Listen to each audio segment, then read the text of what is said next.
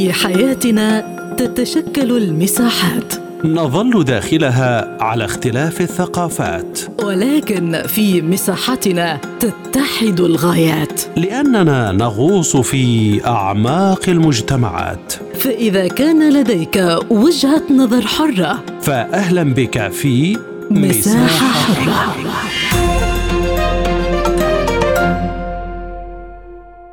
أهلا بكم في هذه الحلقة من مساحة حرة معكم فيها عبد الله حميد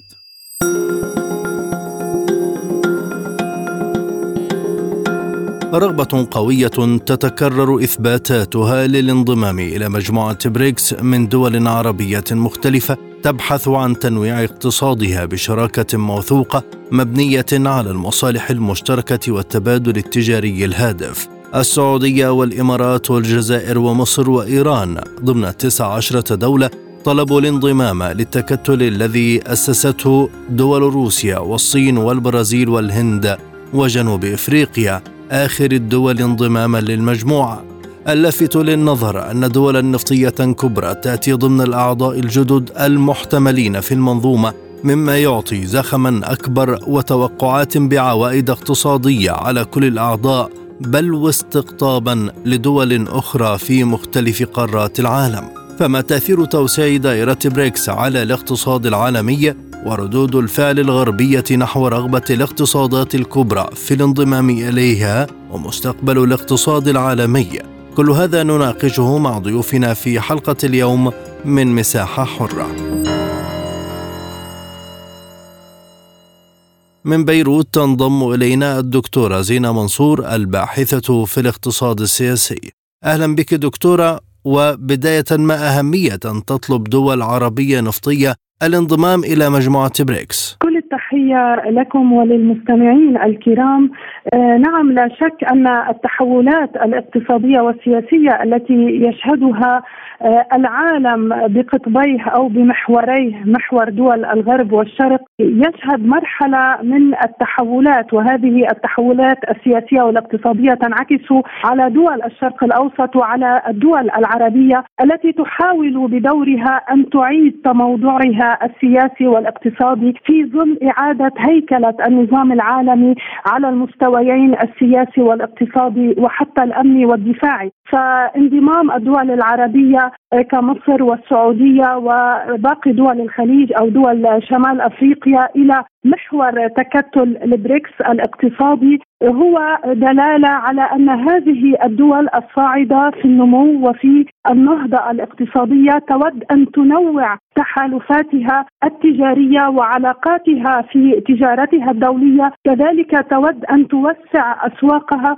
إلى جانب تطوير العلاقة السياسية لتصبح ذو مستوى سياسي أيضا يتوازن في علاقاتها مع الولايات المتحدة كي لا تقع أسيرة لمحور الأحادية القطبية. وما الفائدة التي تعود على بريكس من هذا الانضمام لدول مختلفة؟ دول البريكس المعروفة وهي الصين والهند وروسيا والبرازيل وجنوب أفريقيا شكلت منذ سنوات حالة اقتصادية جديدة موازية لقوة مجموعة العشرين ودول السبع هذه القوة الاقتصادية لأقوى الاقتصادات في العالم حاولت التكتل الصيني الهند الروسي والجنوب أفريقي مع البرازيل في أمريكا اللاتينية أن تشكل قوة اقتصادية موازية لتقريبا نصف سكان العالم ولما يشكل ثلث الناتج العالمي من النشاط الاقتصادي الإنتاجي على مستوى التنمية والإنتاجية والقوة البشرية. هذا التوسع للدول العربية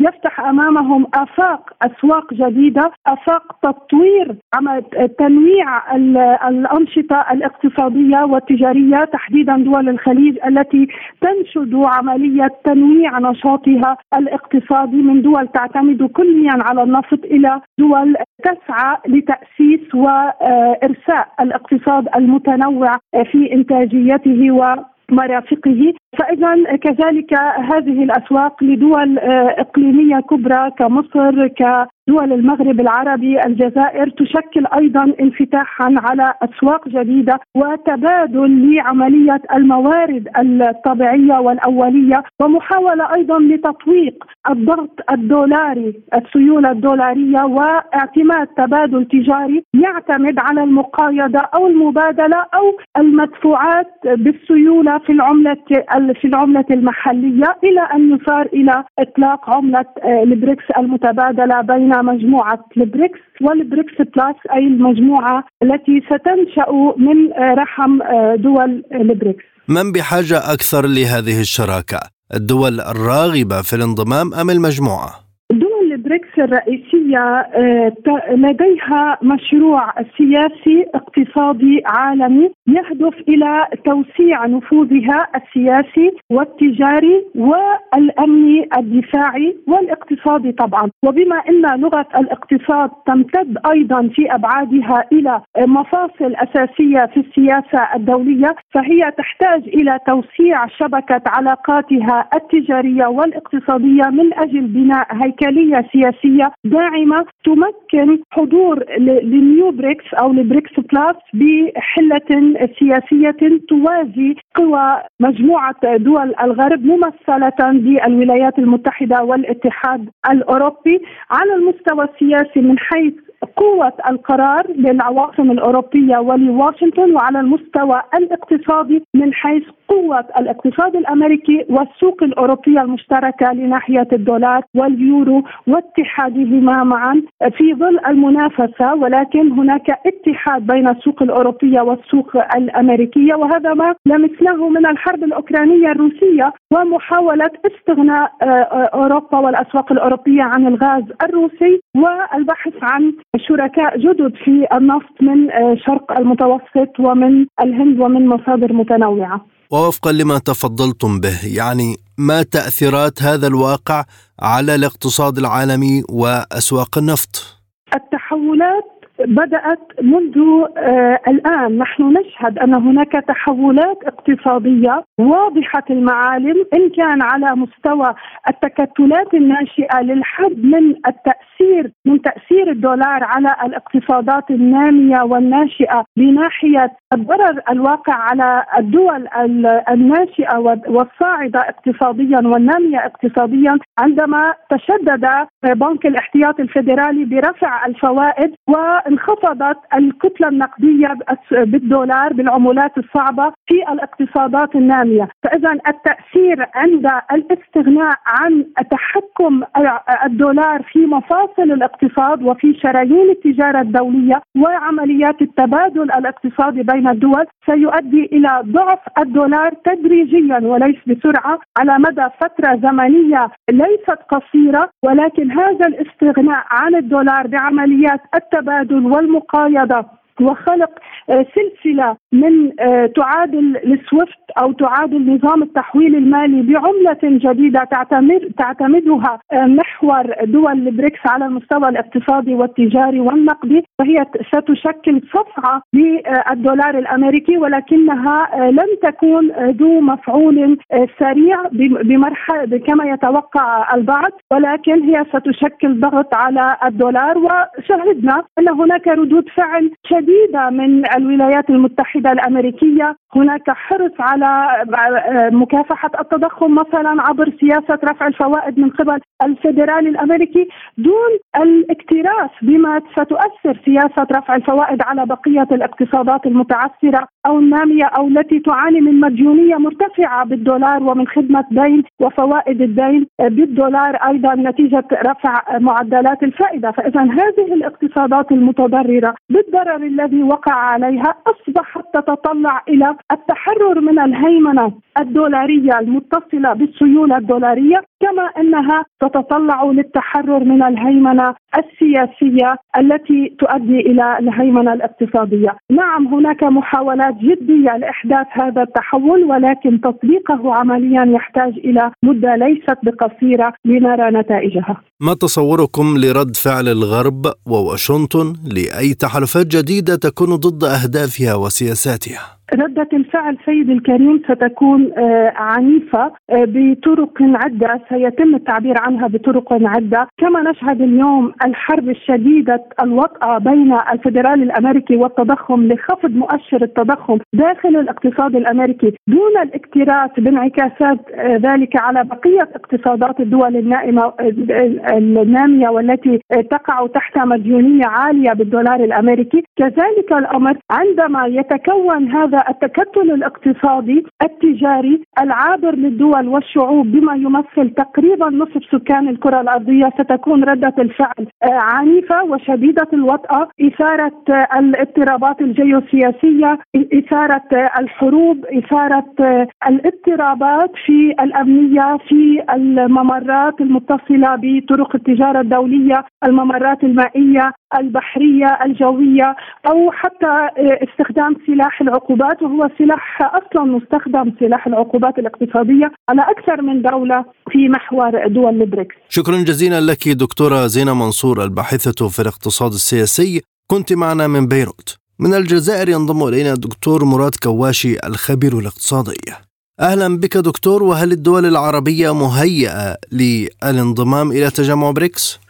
الأمر لا, لا نستطيع التكلم عن الدول العربية ونضعها في سلة واحدة. هناك دول التي حققت معدلات نمو اقتصادي وناتج وطني خام ربما أرقام جيدة تؤهلها إلى الانضمام في حين أن دول أخرى ما زالت دون المستوى. لحد الآن تقريبا منذ أيام أعلنت 19 دولة على المستوى العالمي رغبتها في الانضمام إلى البريكس. أما فيما يتعلق بالدول العربية فهناك تقريبا كل من مصر الجزائر المملكة العربية السعودية حتى الإمارات والبحرين. هذه الدول أعلنت عن رغبتها في الانضمام أعتقد أن هناك ربما الدول التي يمكنها الانضمام على المستوى التي يمكنها الانضمام حاليا هي الجزائر والمملكة العربية السعودية بالدرجة الأولى. نظرا لأن حتى ربما الانضمام إلى بريكس لا يتطلب آه، شروط اقتصادية فحسب ولكن معايير أخرى معايير ربما سياسية علاقات دبلوماسية مع دول مع الخماسي المكون للبريكس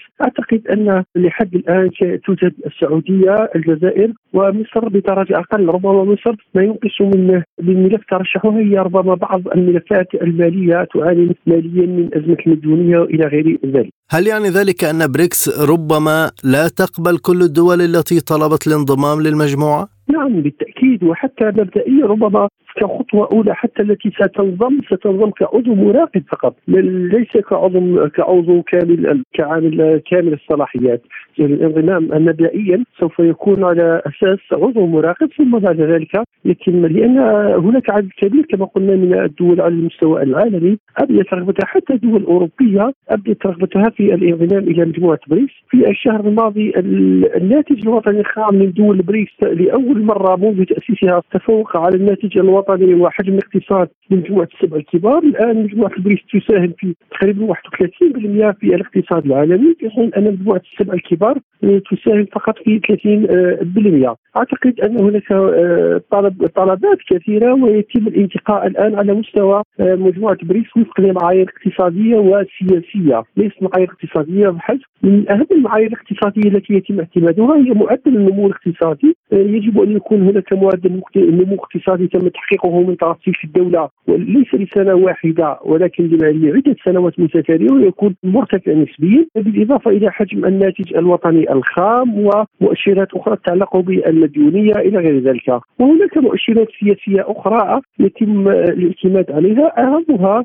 أن تكون علاقات بين تلك الدول علاقات سياسية ربما إيجابية مع خاصة مع الخماسي المشكل أو على الأقل ثلاث دول من بين الخمسة المشكلة لمجموعه بريكس نتكلم هنا عن الصين وروسيا والهند جنوب أفريقيا مثلا. ما هي التصورات المقبلة للمجموعة حتى تكون أكثر تاثيرا على المستوى الاقتصادي عالميا وتنافس تكتلات أخرى بل وتتخطاها. هي, هي الآن هي رقم واحد التكتل البريكس هي الآن هي التكتل رقم واحد عالميا الآن خاصة بعدما تخطى مجموعة السبع الكبار. أعتقد أن الآن هي هي على وشك الانتقاء. هي الآن هي تريد تعظيم تواجدها الاقتصادي والسياسي من خلال انتقاء أعضاء جدد، أنا لما تكلمت عن أن مثلا السعودية لا لها سوف تكون حظوظها عالية للانضمام للبريكس لأن البريكس الآن تضم دولة مثل الصين والصين هي أكبر مستورد للبترول على المستوى العالمي في حين أن السعودية من أكبر الدول المصدرة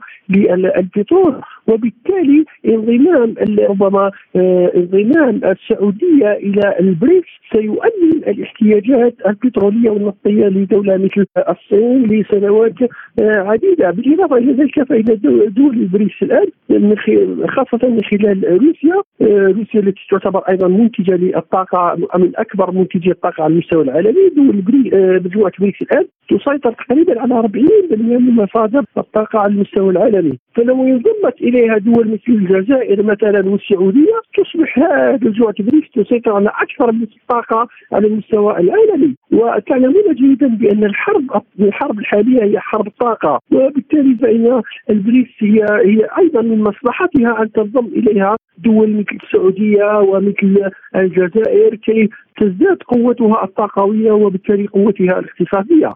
أكبر اقتصادات العالم ستكون موجودة في بريكس حال تمت الموافقة على طلب دول جديدة بالانضمام إليها. في المقابل ما هو موقف الدول الغربية؟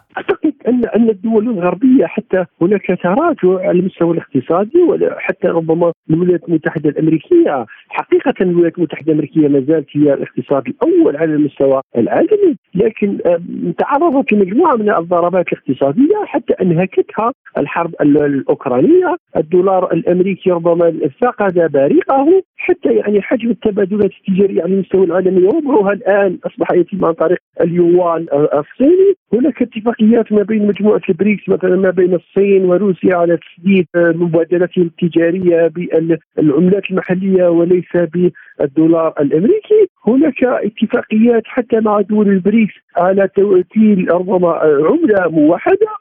سيكون هذا ضربة قاسية للدولار الأمريكي. أعتقد أو أما الدول الغربية دول الاتحاد الأوروبي فقد أرهقتها الحرب الروسيه الأوكرانية. مشاكل كبيرة تتعلق بالطاقة ومشاكل اقتصادية جمة. حتى الاقتصاد الألماني الذي كان يوصف على أنه ما كان الاقتصاد الأوروبي شهد مشاكل كبيرة في خلال هذه السنة خاصة تتعلق بربما نقص إمدادات الطاقة. أعتقد أن في في الوقت الذي ربما تعاظم الشأن الاقتصادي خاصة للصين، الصين انتهزت الفرصة وهي تعمل في صمت شديد أعتقد أننا الآن أمام قوتين كبيرتين هي قوة الولايات المتحدة الأمريكية والاتحاد الأوروبي القوه التقليدية وهي الآن أعتقد أنها في تقهقر وهناك قوة أخرى هي قوة البريكس هي قوة في تصاعد على المدى ربما بعد عشر سنوات آه، ستتغير خارطه العالم. عمليا إلى أي مدى يؤثر توسع تجمع بريكس على النفوذ الغربي اقتصاديا وسياسيا؟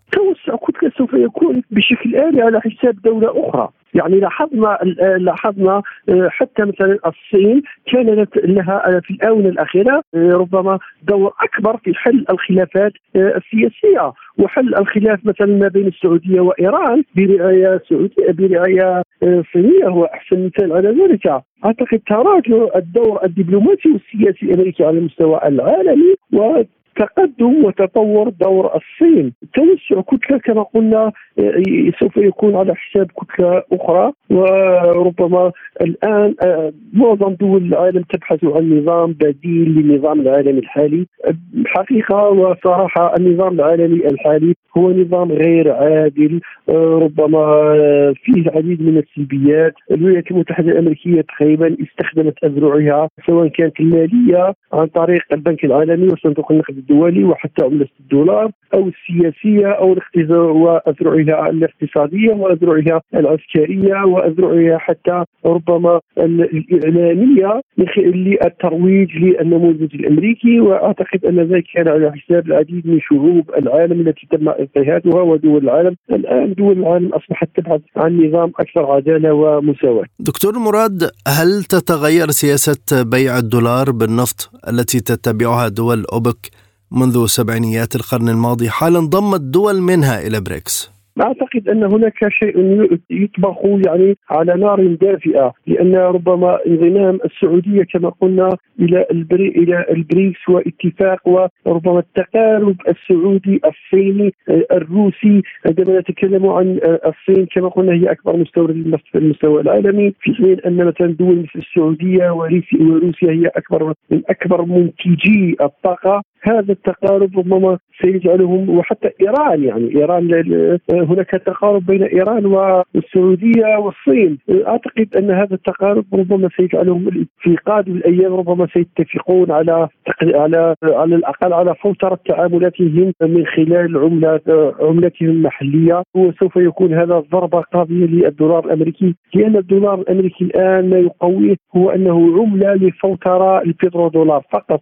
لأنه سلسله ربما الأزمات التي شهدها خاصة الأزمات المالية الأخيرة أصبح العالم يشكك الآن في قدرة الدولار على أن يصبح القوة العملة عملة التعاملات الدولية وعمله التجارة الدولية وعملة الاحتياطات العالمية. شكرا جزيلا لك دكتور مراد كواشي الخبير الاقتصادي كنت معنا من الجزائر. من الرياض ينضم إلينا الدكتور علي الحازمي الباحث الاقتصادي أهلا بك دكتور. كيف نجحت مجموعة بريكس في استقطاب هذا العدد من الأعضاء مؤخرا رغم أنها مشكلة منذ عام 2006 نعم أهلا سيدي والسادة المستمعين. أنا أعتقد بأن هناك تحركات كبيرة لمجموعة البريكس بشكل كبير خاصة نتحدث بعد التطورات الأخيرة على الساحة من حيث ربما جائحة كورونا استوجبت يعني وجود تكتلات أيضا الحرب الروسية الأوكرانية. كل هذه المعطيات وخاصة مع بداية 2020 إلى اليوم استوجبت حقيقة وجود تكتلات جديدة. ربما الحرب الروسية الأوكرانية هي علامة فارقة في التكتلات العالمية. نلاحظ اليوم بأن لدينا الآن مثلا منظمة شنغهاي نتحدث عن البريكس نتحدث عن حتى الغرب ذات آه، أوروبا يتحدثون عن قطبية جديدة أو خروج أقطاب جديدة على الساحة العالمية. هذه اللغة لم تكن موجودة في وقت من الأوقات. لذلك الخطوة هذه الآن نتحدث عن 19 دولة. 13 دولة طلبت بشكل رسمي وستة دول لم تطلب بشكل رسمي. ولكن إلى هذه اللحظة يعني لا نعلم ما هي نتائجها. هل هذه الدول التي طلبت ما زالت تقيم الوضع الانضمام أو مجموعة البريكس هي في حد ذاتها تقيم الدول التي ترغب في الانضمام، ما خرج على لسان الرئيس الصيني تقريبا هو تحدث عن المملكة العربية السعودية، تحدث عن إيران، تحدث عن مصر، تحدث عن تركيا بأن هذه الدول يعني قدمت لها دعوة بشكل مباشر للانضمام بس إلى هذه اللحظة حقيقة لم نسمع تصريحات رسمية من هذه الدول ذاتها لنعرف مدى حقيقة ومدى رغبة هذه الدول في الانضمام، ولكن حتما هناك تغيرات جيوسياسية تتحتم على المشهد الاقتصادي خلق تحالفات جديدة. برأيك دكتور يعني التحرك نحو بريكس سياسي أم اقتصادي؟ آه معا لا نستطيع الحديث عن السياسة بمعزل عن الاقتصاد والعكس صحيح. إحنا تحدثنا عن مجموعة البريكس نتحدث هذه المجموعة تشكل تقريبا 40% من سكان العالم وتشكل تقريبا ربع في المئة أو 25% من الاقتصاد العالمي الصين هي المحرك واللاعب الرئيسي يعني تقريبا تصل إلى 15% تأتي بعدها روسيا والبرازيل ثم جنوب إفريقيا ثم الهند جنوب إفريقيا لذلك أنا أعتقد هي تحالفات سياسية تحالفات اقتصادية وشاهدنا كيف تأثرت سلاسل الإمداد شاهدنا كيف العقوبات التي حدثت على روسيا عطلت كثير من الأمور التجارية لهذه. الدول الآن العالم أكثر وعيا العالم أكثر. كل دولة تبحث عن مصالحها. يعني وفق مصالحها الاستراتيجية وفق ما تراه مناسبا ويخدم وضعها الاقتصادي والسياسي. لذلك أنا أعتقد بأنه هناك من هنا هذه التحالفات تنطلق من منطلقات اقتصادية وسياسية معا. هل تتم الموافقة على كل الدول التي ترغب في الانضمام إلى مجموعة بريكس؟ نتحدث عن 19 دولة. أنا لا أعتقد سيتم الموافقة عليها دفعة واحدة. أنا أعتقد هناك شقين. أولا الدول التي طلب أو البريكس قدمت دعوه لبعض الدول أنا أعتقد بأن هذه الدول لو أعطت موافقات ستنضم بشكل مباشر. وهناك الشق الآخر الدول التي طلبت هي بذاتها الانضمام إلى إلى البريكس. أنا أعتقد سيتم تقييمها بشكل أكبر، الهدف من البريكس هو ليس ضم أكبر عدد من الدول، حقيقة هو لابد أن يكون ذو قيمة اقتصادية ذو قيمة سياسية فاعلة بشكل كبير، بخلاف تجميع أكبر عدد من الدول ضمن منظمة واحدة أنا أعتقد لا يحقق الأهداف. وأنا أعتقد بأن الدول القائمة على البريكس روسيا والصين وجنوب أفريقيا والهند والبرازيل ينظرون إلى هذا الجانب الاستراتيجي على وجه الخصوص بشكل آه، مهم، لذلك أنا أعتقد بأن سيكون هناك تقييمات لها.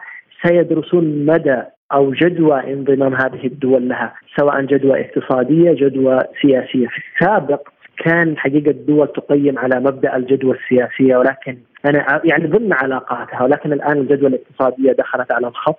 لذلك أنا أعتقد بأنه ليس من السهولة الدخول إلى هذه المنظمة إن لم تكن الدول جاهزة سياسيا واقتصاديا للانضمام. إلى ماذا يشي وجود دول مختلفة في تنوعها الاقتصادي والسياسي داخل بريكس؟ والله هذا أمر مهم، لا ليس تنوع سياسي واقتصادي وتنوع جغرافي مهم، يعني دول نتحدث عن جميع قارات العالم. وجود هذه الدول متناثرة هذا يعطي زخم كبير للبريكس. آه، أنا أعتقد هي المنظمة الوحيدة التي ستحظى بهذه الميزة الجغرافية. يعني عندما نلاحظ بأن المنظمات العالمية دائما يجمعها محيط جغرافي واحد يعني إذا تحدثنا عن الاتحاد الأوروبي إذا تحدثنا عن مجموعة السبع إذا تحدثنا عن بعض التحالف لكن البريكس هذا يعني مفهوم أنا أعتقد مفهوم آخر ومختلف. فلا نستطيع حقيقة البعد الجغرافي هو أمر مهم. هذا يعني فتح لتجارات في جميع لجميع دول العالم الدول التي المنضمة إلى هذا الأمور. أنا أعتقد أو هو من المؤكد بأن الدول التي ستنضم إلى هذه المجموعة سيكون لها بعض الميزات أو المميزات آه، فيما بينها. مثلا إعفاءات جمركية إعفاءات ضريبية. أيضا إذا أخذنا طريق حرير الصيني وهي دولة راعية لهذا الطريق فإن الدول التي ضمن مجموعة البريكس وستقع على هذا الطريق أنا أعتقد سيكون لها بعد آخر. الصين في وقت سابق نوهت بأن الدول التي تقع على طريق الحرير ستكون ذات اعفاءات جمركيه وضريبية،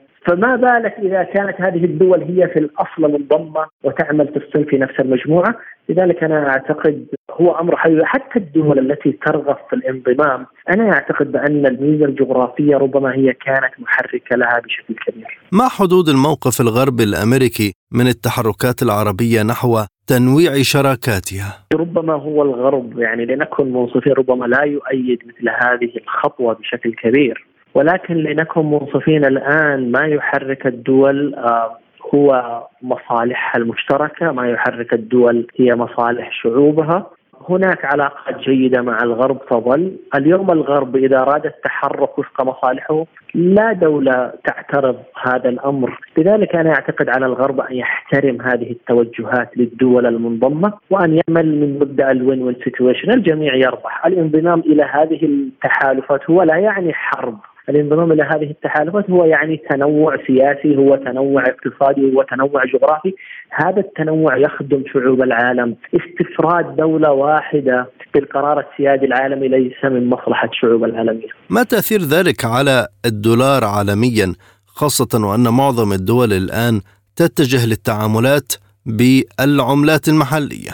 وهذا سؤال مهم واستراتيجي ودائما عندما أنا أعتقد بأن المخاوف الأمريكية هي من هذا الشأن بشكل كبير. هي تخلي هذه الدول وخاصة الدول النفطية المنضمة إلى البريكس بأن تكون مبيعات النفط تكون آه، بخلاف الدولار ربما تكون هناك عملة معينة ينشئها البريكس أو عملة دولة معينة من دول البريكس، أمر آخر حتى حتى التجارة حتى التجارة البينية بين هذه الدول سيؤثر حتما. وأنا أعتقد بأن الولايات المتحدة الأمريكية تنظر إلى هذا الموضوع بشكل جدي، إلى الآن لا توجد حقيقة تأكيدات ولكن هو تقوم بعض الدول بالتخلي عن الدولار في تجارتها. حتما سينخفض الطلب وسيؤثر بشكل لا أقول نسبي ولكن سيحدث تأثير، ولكن دعني أتحدث بشكل هناك بعض النظريات التي تقول بأن الدولار سيسقط بشكل كبير. لا نستطيع حقيقة لا نستطيع أن نتحدث عن هذا الأمر على الأقل في المدى المنظور، الاقتصاد الأمريكي يشكل تقريبا خمس الاقتصاد العالمي،